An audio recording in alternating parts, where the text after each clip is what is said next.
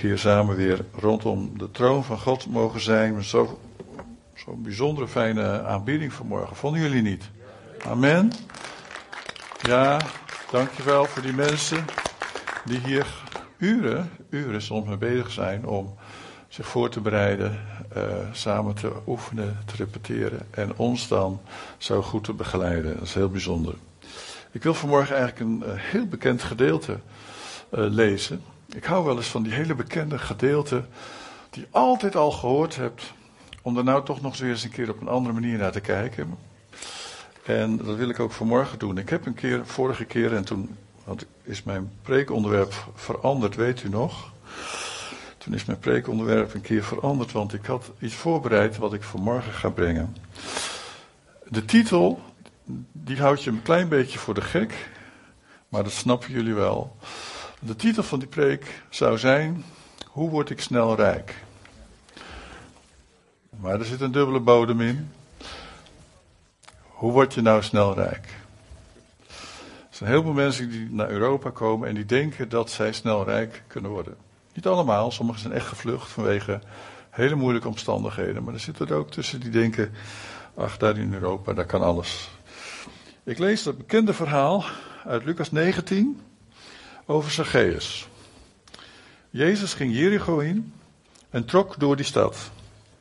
Er was daar een man die Zacchaeus heette, een rijke hoofdtollenaar. Dat is een hoofdbelastingambtenaar. Hij wilde Jezus zien om te weten, om te weten te komen wat voor iemand het was. Maar dat lukte hem niet vanwege de menigte, want hij was klein van stuk.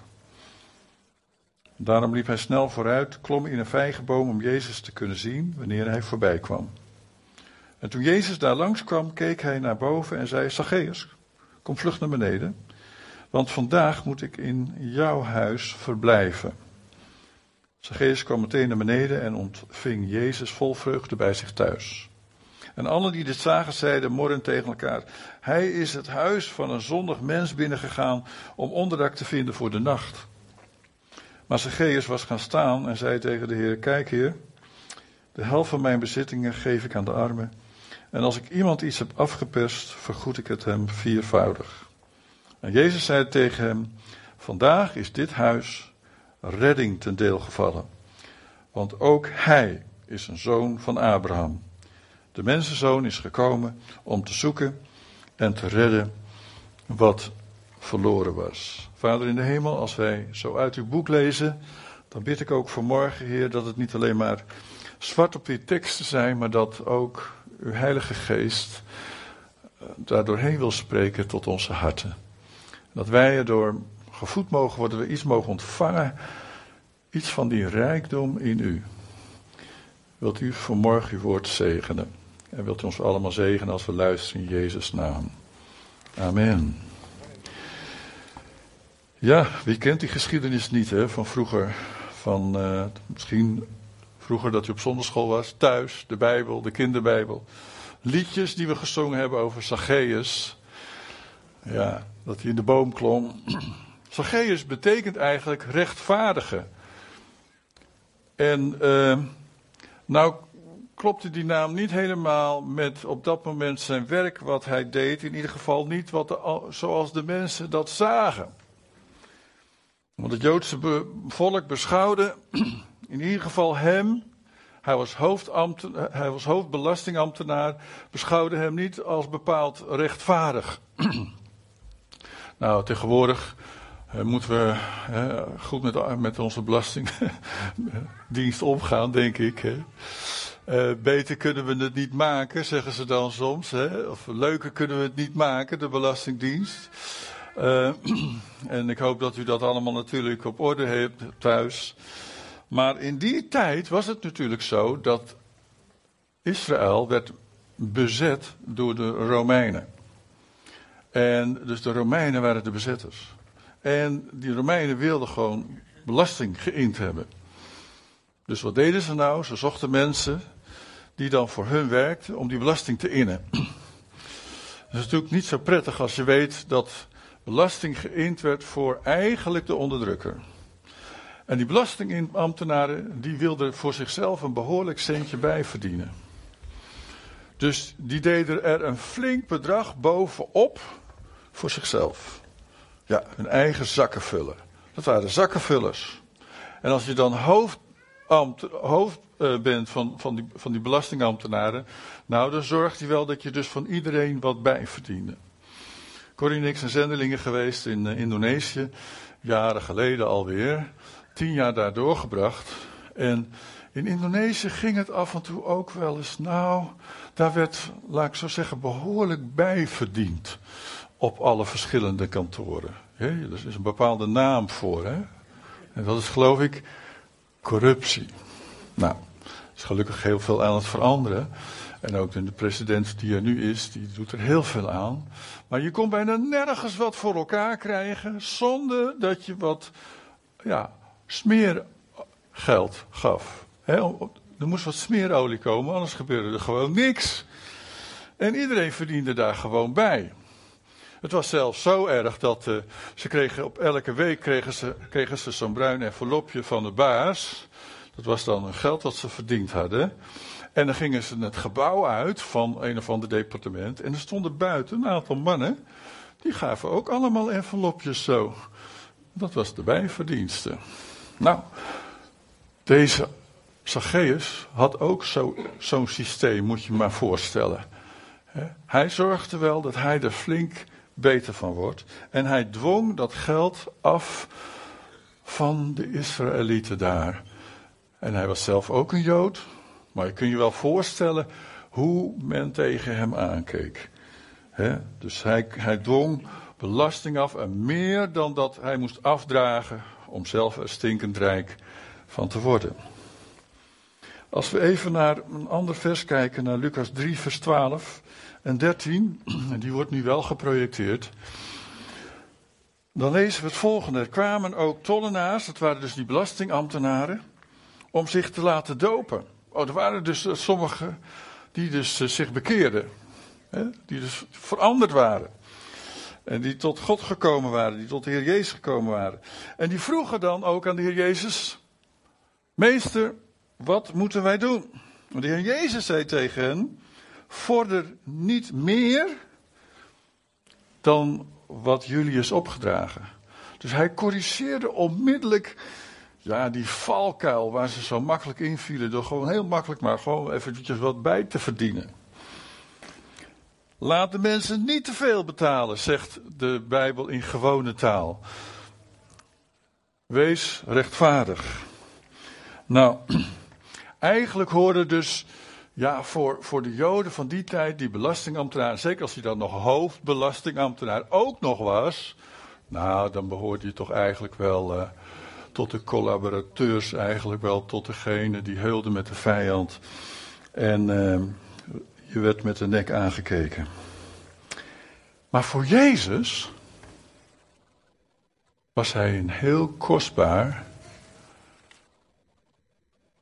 mens die dreigde verloren te gaan.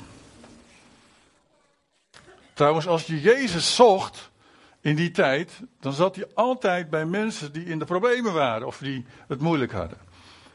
Jezus was altijd te vinden onder de zondaars en niet, ja, niet bij de religieuzen. En doordat hij Jezus ontmoette, veranderde zijn leven. Ik las laatst een mooie spreuk. Geloven in God betekent niet dat slechte mensen goede mensen worden. Maar dat betekent dat mensen die geestelijk dood zijn, dus dode mensen, geestelijk van binnen, van binnen dood zijn, dat die levend gemaakt worden. Dat is het wat het betekent. En wie kent Jezus vanmorgen? Dat betekent dat je levend gemaakt bent. Er is een geestelijk leven ontstaan in je. En natuurlijk verandert dat je ook wel. En je merkt ook wel dat je verandert naar zoals Jezus was. En daar word je ook beter van, natuurlijk. Dat ook. Amen? Als goed is wel. maar hier zie je dus een man die een hoge positie had. Die zijn sterretjes had op zijn paletten. Om het maar zo te zeggen, als het gaat om de macht van de wereld had hij eh, eigenlijk toch wel invloed. Sommige mensen waren misschien bang van hem. Ik weet niet of je bang hoeft te zijn van de Belastingdienst. Ik werd een keer bij de Belastingdienst geroepen. We waren net uit Indonesië. En ik dacht, eh, oh, waar gaat het over? Dus ik had allemaal spulletjes meegenomen en daar zat ik bij die belastingdienst. En die man die zat te zweten, zeg. Bood mijn kopje koffie aan, maar hij had het warm. En ik dacht, waar gaat het over? En toen had hij het over, onder andere over van, ja, hoe komt het nou dat u eigenlijk gewoon 10% van uw middelen, en dat waren er niet veel, maar gewoon volledig 10% dat u dat allemaal weggeeft. Ik dacht, van, waar gaat dit over? Hij zegt, heeft, en toen, toen zei ik tegen hem, nou ja, dat staat in de Bijbel. En, uh, oh, oh. Ja, ik zeg, en u heeft het mogelijk gemaakt als, als belastingdienst dat we dat nog ook kunnen aftrekken ook. Dus eigenlijk kunnen we meer geven dan 10%, want dan krijgen we een stukje terug en dat kunnen we nog een keer geven. Ja, toch? Halleluja. Geweldig. En hij zat met te zweten. En ik dacht, uh, ik had een rein geweten, schoon geweten. Maar die man die had het warm dus na, na, een uurtje zo praten en uitleggen. Het ging een beetje over onze tijd in Indonesië natuurlijk. Toen moesten ons uitschrijven uit het systeem. Toen kwamen we terug, moesten we ons weer inschrijven in het systeem. En hij had het warm en, en op een gegeven moment, zegt hij, na een uurtje begon hij een beetje rustig te worden. Hij was zenuwachtiger dan ik. Ja, als ik hoop dat alles in orde is tussen jou en de Belastingdienst, dat is wel de bedoeling. Maar in ieder geval, ze dwingen wel respect af. Dat deed hij dus ook. Alleen hij was klein van stuk, dat was nou even pech, hè? Kijk, als je zo lang bent als Peter, dan, uh, dan maak je wel indruk, gewoon vanwege je lengte. Alleen hij, hij had dat niet. Hij was een man die eigenlijk, ja, de, de, de lengte had van een kind. En misschien gedroeg hij zich ook nog wel een beetje als een kind. Want we lazen over hem er was een man die Zacchaeus heette, een rijke hoofdtollenaar. Hij wilde Jezus zien om te weten wie hij was. Maar dat lukte hem niet vanwege de menigte, want hij was klein van stuk. En daarom liep hij snel van. Hij begon hard te lopen. Nou, als je een belangrijk persoon bent, zeker in die tijd, dan loop je niet hard. Dan schrijf je vooruit. Want dan ga je, hè, alle mensen die uh, hebben respect voor je. Ga je niet hardlopen, ben je helemaal gek. Maar hij deed het wel. Om te ontvangen wat God voor hem had, werd hij een klein beetje als een kind. Die ambtsdrager, die belangrijke kerel van de overheid, begon hard door de straten van Jericho te lopen, misschien een paar wegen af te snijden, om, om, om ergens Jezus dan langs te zien komen hem te ontmoeten. We kennen dat verhaal allemaal. Zoals een kind, eigenlijk bij een optocht. Ik weet niet of je vroeger wel eens optocht, ja dat hebben we nu niet meer. Maar vroeger in mijn tijd, toen ik nog jong was, waren er optochten. En dan ging je kijken. En dan had je het in dat straatje gekeken en je wist de route. Dus dan ging je snel een paar andere straatjes zien en dan kon je het nog een keer zien. In, kwam Alkmaar eh, opgegroeid. Van Alkmaar komt de Victorie. Hij was dus Alkmaars ontzet van de Spanjaarden, dus dat wilde ik altijd zien. En zo was Zacchaeus ook. Hij ging die opdracht achterna, hij sneed de weggetjes af, liep hard, omdat hij Jezus wilde zien. En wij hadden nog lantaarnpalen. Kun je dat nog herinneren? Nou, jullie zijn allemaal van een andere generatie, kom op. Ja, ik zie gelukkig één hand omhoog gaan. Weet je nog, daar klommen we in dan, hè? We gingen in ieder geval opstaan. Dat waren dan van die gietijzeren dingen, met, met zo, van, die, van die ribbels ook. En dan kon je iets meer zien als je klein wat was. En hij deed dat ook. Alleen waren er geen lantaarnpalen, er waren bomen. Dus hij klom in een boom, nieuwsgierig, omdat hij Jezus wilde zien. Deze grote kerel had blijkbaar het, het hart van een kind. Nieuwsgierig. En ook hij zocht oplossingen om, om, om Jezus toch te zien. Er is een bekende theoloog, die heet Calvijn. Wie kent? Wie heeft zelfs van Calvijn gehoord? Kom aan. Calvijn. En Calvijn zei nieuwsgierigheid en eenvoud van hart. Dat is een soort voorbereiding voor geloof in je hart. Nieuwsgierigheid en eenvoud van hart is een soort voorbereiding voor het geloof dat, dat kan groeien in je hart. De Bijbel zegt er ook iets over in Romeinen 3, vers 11. Romeinen 3, vers 11 zegt de apostel Paulus, de bekende, bekende tekst. Er is geen mens verstandig. Er is geen mens die naar God zoekt. Zacchaeus kwam er hier achter dat hij dacht dat hij op zoek was naar God, maar hij kwam erachter dat God eigenlijk op zoek was naar hem. Wie heeft dat ook zo ervaren in zijn leven? Kom aan. Ja. Ik heb, merk nog steeds dat, dat eigenlijk God veel meer mij zoekt. En ook veel meer die ontmoeting zoekt met mij. Dan dat ik soms die ontmoeting zoek met hem. Gelukkig maar. En dan kom je hem elke keer weer tegen in omstandigheden. Wel, toen de eerste mens zondigde, wie was dat ook alweer? Adam en Eva. Rebellie in hun hart, ongehoorzaamheid in hun hart aan God. Toen verborgen ze zich voor God. Ze verstopten zich, want ze schaamden zich. En wat lezen wij dan? Maar God kwam en God vond hen en zag hen. En zo is het nog steeds in het leven. Zo is het nog steeds. God zond zijn zoon, de Heer Jezus Christus, om het verlorene te zoeken. Daar gaat ook in dit verhaal gaat het erover, deze gebeurtenis. En vele andere verhalen in de Bijbel gaan erover dat God kwam om ons te zoeken. Jezus is gekomen om ons tegemoet te komen. En door middel van de gemeente, door middel van ons getuigenis, door middel wat vanmorgen hier al gezegd is, door middel van al die woorden is God ook nog steeds op zoek naar jou en jouw hart. En wil tot jouw hart spreken. Nou, ik weet niet of het hart van Zacchaeus was voorbereid, hè? Dat weet ik niet. In ieder geval een beroep waarvan je denkt van nou, hij zal heel erg gefocust zijn op de, hè, op de bijverdiensten. Maar hij zal misschien het ook wel erg moeilijk gehad hebben, want een heleboel mensen keken hem dus wel met de nek aan. Wie heeft er wel eens last van dat je denkt van, nou wat denken mensen eigenlijk van me? Lastig is dat, hè? Wat, wat denken mensen nou van me? Nou, wat dacht je dat, hoe zou dat bij hem geweest zijn? Ik zou die heel graag in zijn schoenen gestaan hebben hoor. Goeiedag zeg. Wat hadden de mensen niet, wat voor idee hebben de mensen niet voor hem? Dat hij verrader was, dat hij huilde met de vijand, enzovoort, enzovoort, enzovoort. wat dachten ze niet van hem? Was zijn hart voorbereid? Er was een andere tollenaar, die heette Levi.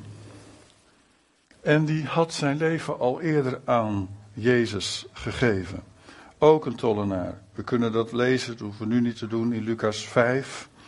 En misschien hadden ze wel eens met elkaar het erover gehad, zoals wij dat ook wel doen. Als het goed is, vanmorgen gehoord enkele getuigenissen, maar als het goed is door de weeks, vallen er af en toe ook woorden, vertellen we af en toe ook wel eens dingen van wie God in ons leven is.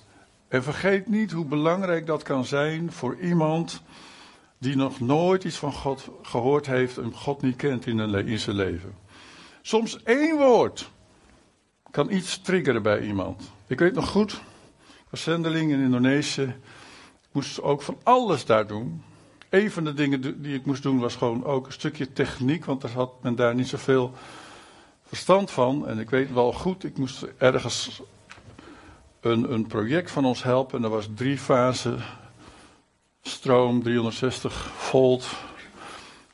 En, en dan moest een, een, zaagmachine opdraaien. En ik weet er niet veel van, ik weet er een klein beetje van. En die schakelaar van de zaagmachine, die was kapot. En in Indonesië, waar, waar, waar wij zaten, als iets kapot is, dan kun je het wel vergeten. Want iets vervangend kopen, dat is daar gewoon niet. Probeer het te repareren. Dus ik weet nog wel goed dat ik zo'n zo'n zo sterk schoonschakelaar openmaakte. En ik, ik ging er zo met mijn schroevendraaier in en er schoot zo'n vlam uit, zeg. Goed mee opletten, dat is levensgevaarlijk. Enfin, dus ik rommelde er een beetje aan en hij deed het weer. En ik zei, prijs de Heer. Achter mij stond een leverancier van materialen die net spullen kwam brengen. Was een Chinese man, een handelaar. En die zei, wat zeg je nou, prijs de Heer? Hij zegt, prijs Peter. En ik schrok van, ik wist niet dat hij achter mij stond. Hij zegt, je hebt dat ding gemaakt man. Ik zeg, nee hoor. Ik zeg, ik heb er niet zoveel verstand van. Ik dank God. En hij was zo stil. Zo onder, je zag hem gewoon nadenken van, waar gaat dit over? Maar zo gebeurt het wel in ons leven. Hè? Het gebeurt heel vaak dat wij ook door de week, als we mensen ontmoeten, dingen kunnen delen die harten van andere mensen kunnen aanraken. Dat gebeurde vast ook hier bij Zacchaeus. Nou, ik weet niet of hij worstelde met het, de ervaring dat rijkdom geen geluk bracht. We hebben hier getuigenis gehoord van iemand vanmorgen die vertelde hoe, hoe, hoe de Heer haar geluk gaf in haar hart en in haar leven. En sommige mensen denken dat geluk dan komt van geld. En er zijn vluchtelingen en tussen die vluchtelingen zitten misschien ook een paar mensen.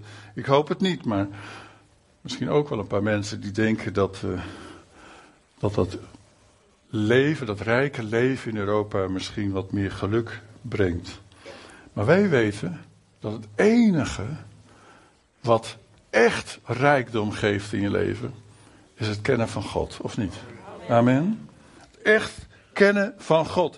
Die innerlijke rijkdom is het allerbelangrijkste, ook al heb je niks. We hebben vele plekken gezien hoe weinig mensen soms hebben.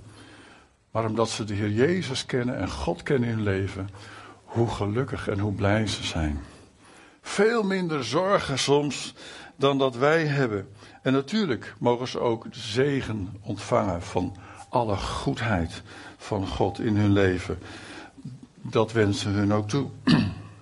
Maar als je denkt dat je kunt, geluk kunt vinden in geld, dus in financiële rijkdom. Als je denkt dat je geluk kunt vinden in bezittingen, nou dan kom je erachter dat dat soms helemaal niet zo is. Het zit ook niet in macht en positie. Ik zou niet graag in de schoenen van onze minister-president willen staan vandaag. Daarom moeten we ook voor hem willen. Of niet? Ja. Ik zou niet heel graag in zijn schoenen willen staan. Geestelijke honger, geestelijke armoede kan alleen maar door God worden veranderd en door de rijkdom die wij ontvangen in God en in de Heer Jezus Christus. Je hoeft daar ook helemaal geen, geestelijke, geen zakelijke trucjes voor te kennen. Want geestelijke rijkdom is gratis voor niks te ontvangen en te kennen in ons leven als we God ontmoeten. En er is niets wat daar tegenop kan. Geen enkele euro, geen enkele dollar. Het enige wat je moet doen, is je door God te laten vinden. Hij is op zoek naar jou. Is dat niet van geweldig? sommige mensen zijn op zoek, op zoek, op zoek, op zoek. God is al lang op zoek naar, naar jou. God is op zoek naar jou. Een, klein, een kleine man, die moest hardlopen, die moest klimmen om iets van God te zien. Maar toen werd hij groot. Oh, halleluja. Wie willen niet groeien in de dingen van de Heer? Amen. Nou, hier zie je een voorbeeld van hoe je kunt groeien in de dingen van God. Allen die dit zagen, vers 7 en 8 van dat gedeelte, zegt zij de morgen tegen elkaar: Hij hij, de Heer Jezus, is in het huis van een zondig mens binnengegaan om onderdak te vinden voor de nacht. Maar Zacchaeus was gaan staan en zei tegen de Heer: Kijk, Heer, de helft van mijn bezittingen geef ik aan de armen. En als ik iemand iets heb afgeperst, vergoed ik het viervoudig. Nou, hij kon er niks aan doen dat hij klein was. Hij kon er ook niks aan doen dat hij soms hard moet lopen of dat hij in een, in een, in een boom moest klimmen. Maar hier werd hij een waardig mens. En deed wat God hem waar God hem van overtuigde dat hij moest doen. Hij, hij deed recht aan degene die hij had afgeperst. En hij betaalde hen terug. En hij gaf hen terug.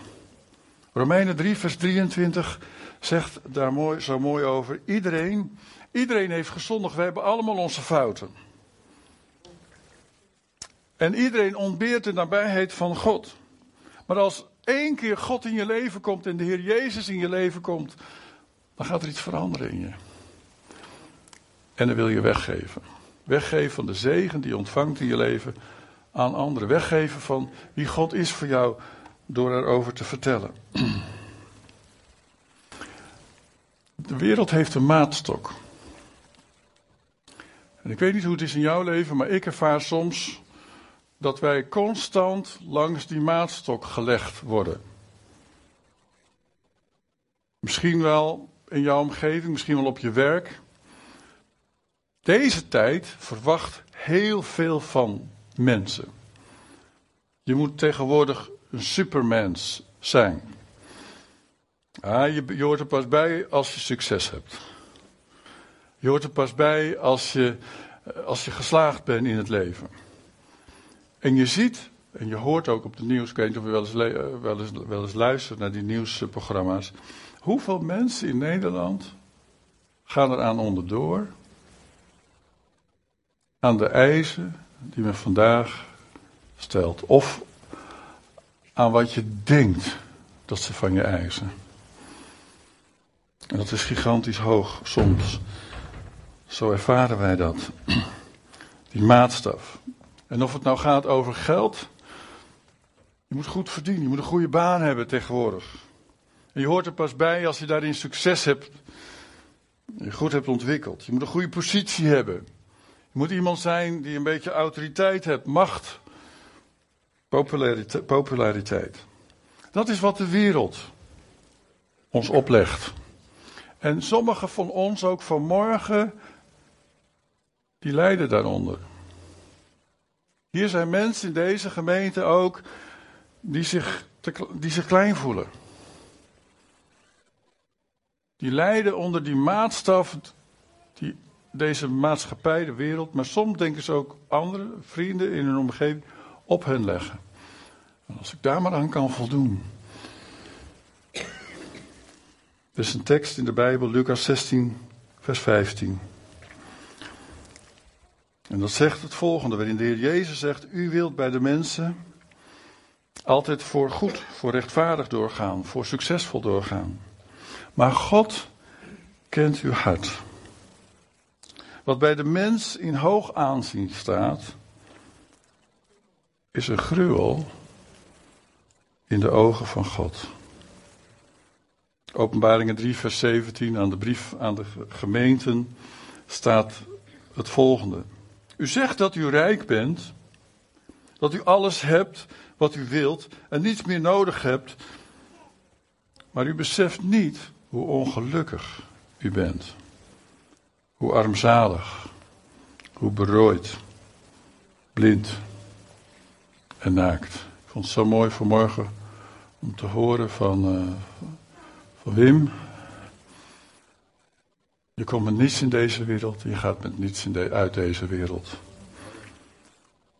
Maar wie heb jij ontvangen? Wat voor soort rijkdom heb je ontvangen in je hart?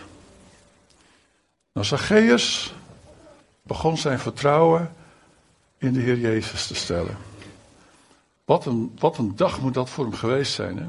Hij die altijd dacht op andere manieren bevrediging te zoeken voor de behoeften van zijn leven Soms ook op manieren die andere mensen schade deed. Als hij er maar beter van werd. Op één dag werd zijn leven veranderd. En begon hij vertrouwen te schenken, eh, vertrouwen te krijgen, niet in geld, wat hij kon afnemen van andere mensen, begon hij vertrouwen te krijgen in de Heer Jezus Christus, de Zoon van God. En hij werd een ware zoon van Abraham genoemd. Wat betekent een waar kind van geloof. Hij werd een man van geloof. Nou, groter kun je niet worden. Hij groeide een meter. Halleluja. Wie in zijn hart wil niet groeien in de dingen van God? Ja. En daar is God mee bezig. Hè? En wij, ja, het heeft niks te maken met je postuur. Het heeft niks te maken met hoe je eruit ziet. Je kunt groot zijn en misschien een heel klein hartje hebben. Of je kunt misschien klein zijn, maar vol, groot, als het gaat over wie je mag zijn in de Heer Jezus Christus. Groter kon hij niet worden, deze Zacchaeus, dan dat hij een zoon van Abraham werd genoemd door Jezus. Een mens vol van geloof. Ik wou dat Jezus er nu was en dit over jou en mij en ons allemaal zou kunnen zeggen hier, direct. Maar misschien zegt hij het wel door zijn geest. Amen. Hij werd ook rijk. Schatrijk. En het had niks te maken met, uh, met dollars of euro's. En dit is misschien ook onze boodschap. Moet ook onze boodschap zijn. Vandaag aan de eh, dag als wij mensen ontmoeten. Zeker als wij misschien vluchtelingen ontmoeten. Als misschien mensen ontmoeten die graag naar Europa willen komen. Om te denken dat hier het geluk te vinden is. Misschien moet onze boodschap wel zijn. Het echte geluk is alleen maar te vinden in de Heer Jezus Christus. Amen. In vers 9 van dit hoofdstuk zei Jezus tegen Zacchaeus: Vandaag, Zacchaeus, is dit huis, het huis waar Jezus ging eten, redding ten deel gevallen. Want ook Zacchaeus, hij is een zoon van Abraham. En de mensenzoon, ik, is gekomen om te zoeken en te redden wat verloren is. Nou, en iedereen dacht dat Zacchaeus al schatrijk was.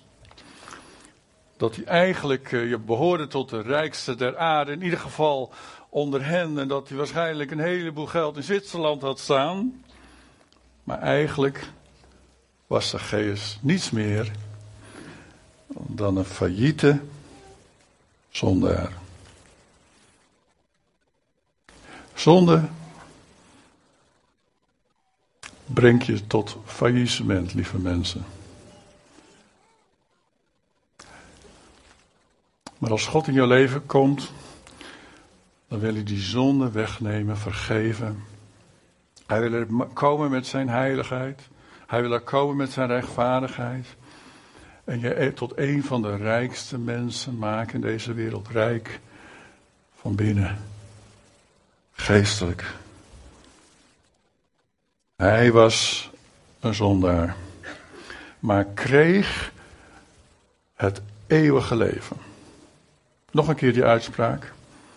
Als je God ontmoet, dan gaat het niet zozeer over van slechte mens wordt een goed mens, maar van een geestelijk dode mens wordt een geestelijk leven gemaakt mens. Amen. Dat is de rijkdom die wij ontvangen door de Heer Jezus Christus. Hij werd niet gered omdat hij zo'n goed man was. Hij werd niet gered omdat hij zoveel goede dingen deed, maar dat deed hij gewoon niet. Hij moest wel rekenen op de genade van de Heer Jezus Christus. Amen. Als ik naar mezelf kijk, als wij misschien allemaal even naar ons eigen hart kijken. Wie zouden we zijn zonder de genade van de Heer Jezus Christus? Niemand. Failliete zondaar. En niet meer. Ja, misschien naar de wereldse maatstaven. Oh ja, ja hij rijdt wel een aardige auto. En ze wonen in een aardig huis. Ze hebben wat op de bankrekening staan. Ze helemaal geslaagd. Maar geestelijk, failliet. En misschien zijn die vanmorgen mensen die iets in orde moeten maken met God in hun leven. De Heer nodigt je uit om de rijkdom te vinden in Hem. Misschien zijn hier mensen die, uh, die naar de maatstaf van de wereld, maar die zijn wel geslaagd. Goed gedaan. Maar van binnen ben je leeg en ben je failliet. Wat een gelegenheid voor morgen om, om bij de Heer Jezus te komen. Nou, Zacchaeus moest dus natuurlijk even in die boom klimmen. Was eigenlijk een beetje belachelijk, hè? Voor zo'n man. Met zo'n statuur. Dat ben je helemaal gek. En dan in de gemeente, in de kerk, zeggen van, joh, kom maar, kom maar, kom maar bij Jezus. Dat is eigenlijk ook een beetje belachelijk. Ja, wie doet dat nou? Ik weet nog wel goed. Ik had een, uh, een man, die kwam uh, een keer in de gemeente ook. was in Alkmaar nog. En hij was directeur van een hele grote kartonagefabriek in Nederland. Hij kwam mee met zijn vrouw. Zijn vrouw kwam bij ons in de gemeente. En hij kwam eigenlijk alleen maar een keertje mee omdat wij een nieuw gebouw hadden. En daar moest veel in gedaan worden, gewerkt worden. En zijn vrouw had gezegd tegen hem: Ga jij nou ook een keer?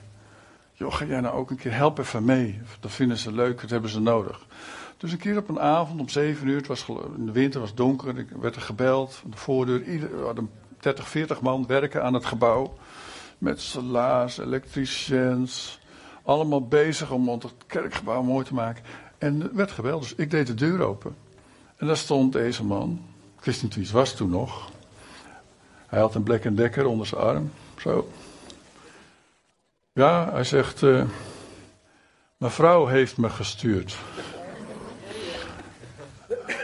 Blijf dat doen, hè, zusters. Vrouwen, blijf dat doen, hè. Motiveer, stimuleer ook je echtgenoot. Mijn vrouw heeft me gestuurd. Ik zeg, oké. Hallo, kom binnen, joh. En uh, wie ben je? Nou ja, zus en zo. Hij zegt, ja, ik, uh, ja, ik kom nooit in de kerk hoor, maar uh, ik wil wel even meehelpen. Oké, nou goed. doe maar mee. Ik zat gelijk in een bepaald ploegje. En hij mocht de muren, geloof ik, verf, als ik me nog herinner. En ik kwam daarna meerdere avonden. En toen kwam hij een keer op een zondag. Maar hij zei tegen mij van Peter, ja, ik kom wel een, een beetje luisteren, maar hij zegt, eh, ik kom nooit naar voren hoor. Daar begin ik niet aan. Ja, wat wil je hè? Als je natuurlijk directeur bent van een groot bedrijf in Nederland, dat is toch een beetje belachelijk. Als je dan, uh, hè, jezelf, als je dan zo klein zou moeten worden dat je als een kind eigenlijk naar voren zou komen en je leven gaat geven aan de Heer Jezus Christus. Ja, dat doe je niet. Ik zeg, nou ja, goed. Hoeft niet. Mag wel. Maar joh, als jij er klaar voor bent, uh, dan laat je het maar weten. Want dan maak ik gewoon ook, kan ik ook s'avonds een keer een afspraak maken. Kom je gewoon een keer langs. En dan gaan we op die manier naar de Heer Jezus toe. Voor de Heer Jezus maakt het allemaal niet uit. Wat er ondertussen gebeurde was. dat uh, zijn dochter, getrouwd met een van onze jongens in de, in de kerk, kreeg het eerste babytje. En dat was een babytje met een open ruggetje. Het heeft één uur geleefd en toen overleed het. En hij was daar ook in die kamer, ik was daar. Het kindje lag in een bakje. Het was al overleden. Maar we gingen samen naar de, naar de Heer Jezus toe. We gingen samen bidden. Het was een verdrietig moment. En zeker ook voor hem. En ik weet wel dat hij, uh, hij ging achter ons staan, want we gingen zo'n beetje om het bed heen staan met de ouders en ook familie. En we gingen gewoon de Heer vragen om, ja, om troost en om zijn aanwezigheid, zijn liefde, te midden van dit verdrietige moment. En, uh, maar hij deed niet mee. De week daarop belde hij me op. Hij zegt, uh, Peter, uh, mag ik een afspraak? En ik wist, oh, oké. Oké, okay, this is it. Hij is klaar om de Heer Jezus te ontmoeten in zijn leven. Dus ik zei, kom maar. Kom maar, uh, gewoon vanavond dan. Uh, kom maar even langs. Dus om zeven uur kwam je langs. Gauw gegeten, ik zelf ook gauw naar, naar het gebouw van onze kerk en in, in het kantoortje. En hij kwam dan langs. En toen vertelde hij hoe hij in die kamer, in het ziekenhuis, waar zijn dochter lag, schoonzoon en dat kleinkind, wat dan overleden was, dat hij zo boos was op God. Hij zegt, ik was zo boos op God. Ik dacht, als dit God is, dan wil ik er niets mee te maken hebben. Hij zegt, maar toen gingen jullie bidden. En toen kwam er een licht in die kamer. Hij zegt, ik stond daar op afstand achter jullie. En er kwam een licht in die kamer. Hij zegt, en dat heeft tot mij gesproken. En ik weet dat God naar mij op zoek is. Peter, ik vind het wel lastig hoor, om naar voren te komen op zondagmorgen, maar mag ik nu mijn leven aan Jezus geven? En we hebben toen, Dirk heette hij, heb ik toen heel eenvoudig die avond bij Jezus gebracht. We zijn samen naar de Heer Jezus toegegaan en we hebben gezegd, Heer, hier is mijn leven. Iemand die het geslaagd, geslaagd was in het leven. Wow. Hij reed in de dikste auto van de kerk, die we hadden van alle kerkgangers. Maar hij werd een kind van God. Zijn leven werd veranderd. Hij ontving het eeuwig leven. Hij was eigenlijk al een goed mens, daar ging het dus ook niet om. Maar geestelijk was hij nog eigenlijk dood van binnen. En in zijn ontmoeting met God, met ontmoeting met Jezus veranderde hem en hij ontving dat eeuwig leven. Hij werd levend gemaakt, voor altijd. Wat een moment was dat. En uh, ik weet nog goed wat voor een feest het was toen hij gedoopt werd. En uh, ja, toen moest natuurlijk wel eventjes uh, zijn, ja, toch wel, ja, zijn, sta, zijn statuur moest hij een beetje afleggen. Als directeur van een grote kartonagefabriek in Nederland. Gewoon om zich ook te laten dopen. Ik weet nog wat een feest was dat. Ook voor zijn vrouw die zo lang voor hem gebeden had, voor zijn kinderen. Maar God gebruikte dat ene moment, dat pijnlijke moment. En dan ook op een heel eigen manier. Dat God kwam tot hem als een geweldig licht in die kamer. Wij hadden dat niet eens in de gaten, we hadden het ook niet gezien. Maar hij zag het, het was God die tot hem sprak. Hij was als een Zacchaeus. En dat was het moment dat hij zijn, ging kiezen om zijn leven te geven aan Jezus. Wel, vanmorgen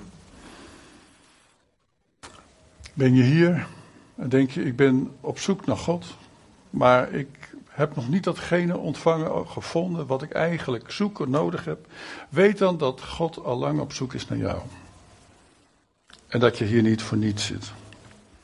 En we zien in deze geschiedenis in vers 5 en 6 dat de gastheer zelf, dus het huis, hij, Zacchaeus, die eigenlijk de, zacht, de gastheer was, om Jezus te ontvangen, hij werd gast in die feestmaaltijd van Jezus. Toen Jezus daar langs kwam, keek hij naar boven, zei tegen Zacchaeus, daar in die boom, Zacchaeus, kom vlug naar beneden. Vandaag moet ik in jouw huis verblijven. Zacchaeus kwam meteen naar beneden, ontving Jezus vol vreugde bij zich thuis. En Jezus nodigde dus hier zichzelf bij hem uit. En dat is wat de Heer Jezus altijd doet en blijft doen. Hij klopt aan jouw hart en nodigt zichzelf uit om in jouw leven binnen te mogen komen. En ik kan je garanderen dat je leven voor altijd veranderd zal zijn. En dat je die rijkdom zal ontvangen die je van binnen nodig hebt. En dat veel meer waard is dan alle rijkdom op aarde. Wij worden naakt geboren. Ik ken iemand die zo heet. Ja. En wij gaan ook met niets deze wereld weer verlaten.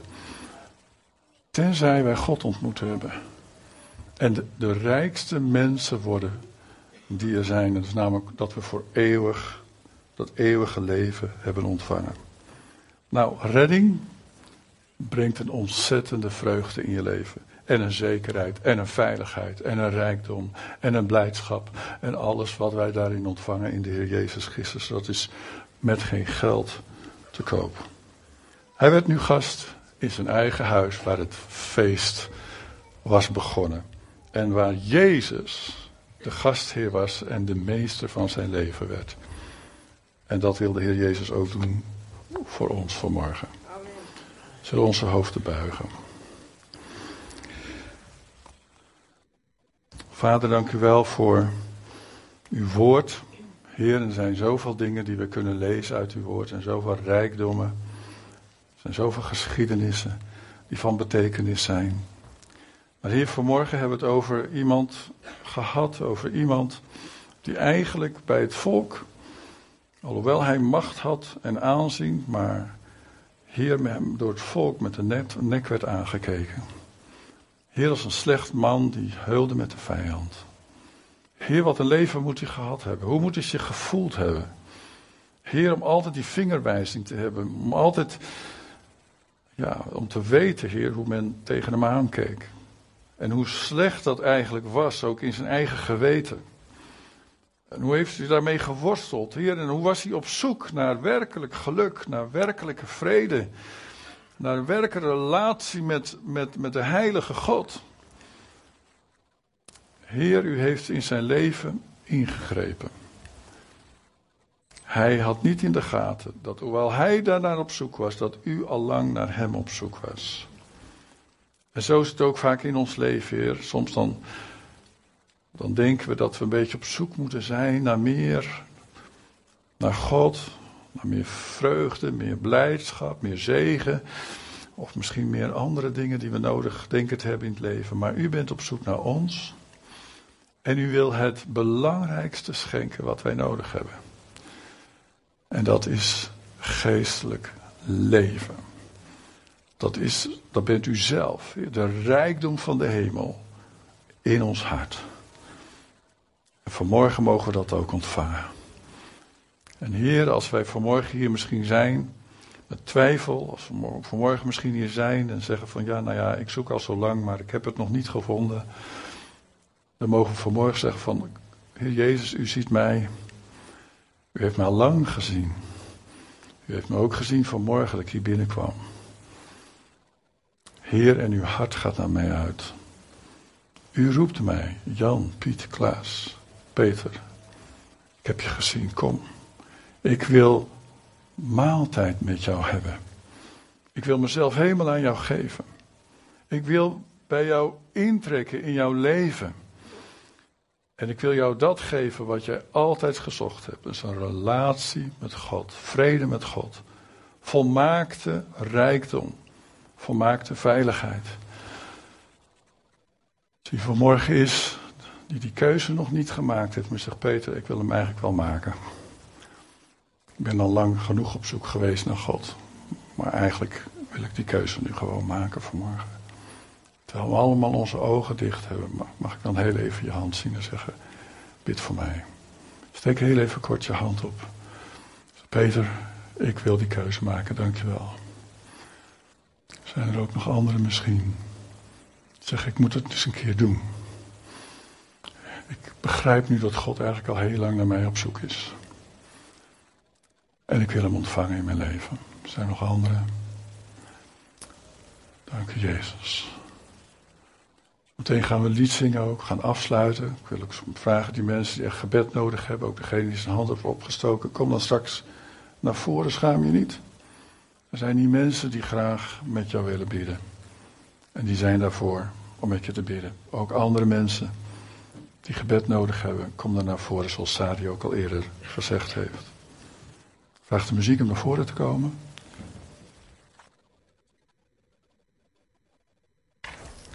Prijs de Heer. Dank u, Jezus. Zullen we gaan staan met elkaar? Gaan we een mooi lied zingen?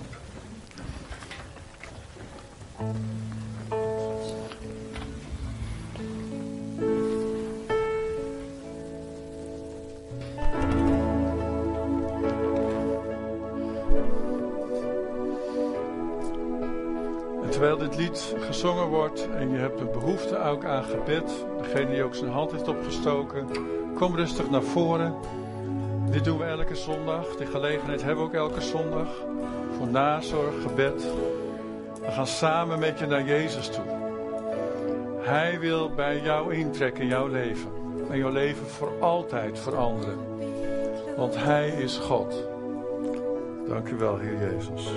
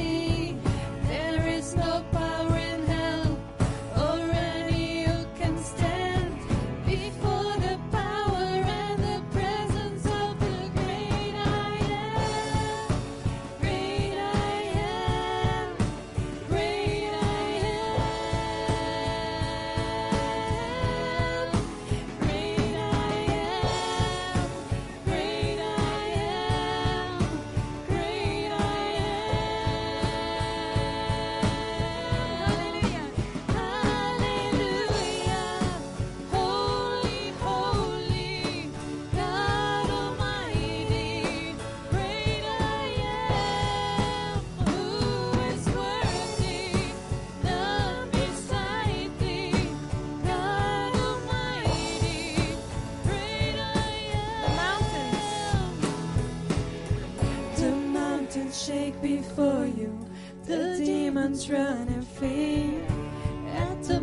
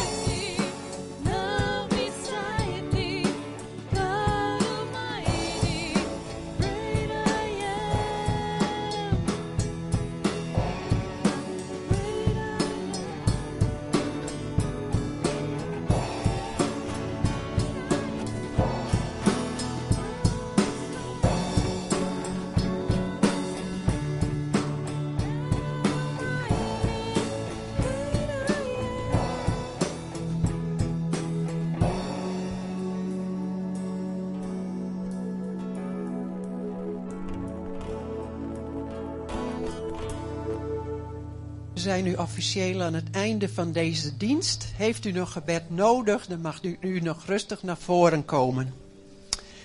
De Heere zegt tegen u dat Hij u wil zegenen. Open uw harten voor zijn zegen. Mogen de Heere u zegenen en u beschermen. Mogen de Heer het licht van zijn gelaat over u doen schijnen en u genadig zijn. Mogen de Heer u zijn gelaat toewenden en u vrede geven. Amen. U bent nog welkom bij de koffie. Wees er voor elkaar. Ontmoet elkaar. Praat na over de dienst. En wees een zegen voor elkaar de komende week. Een fijne week gewenst.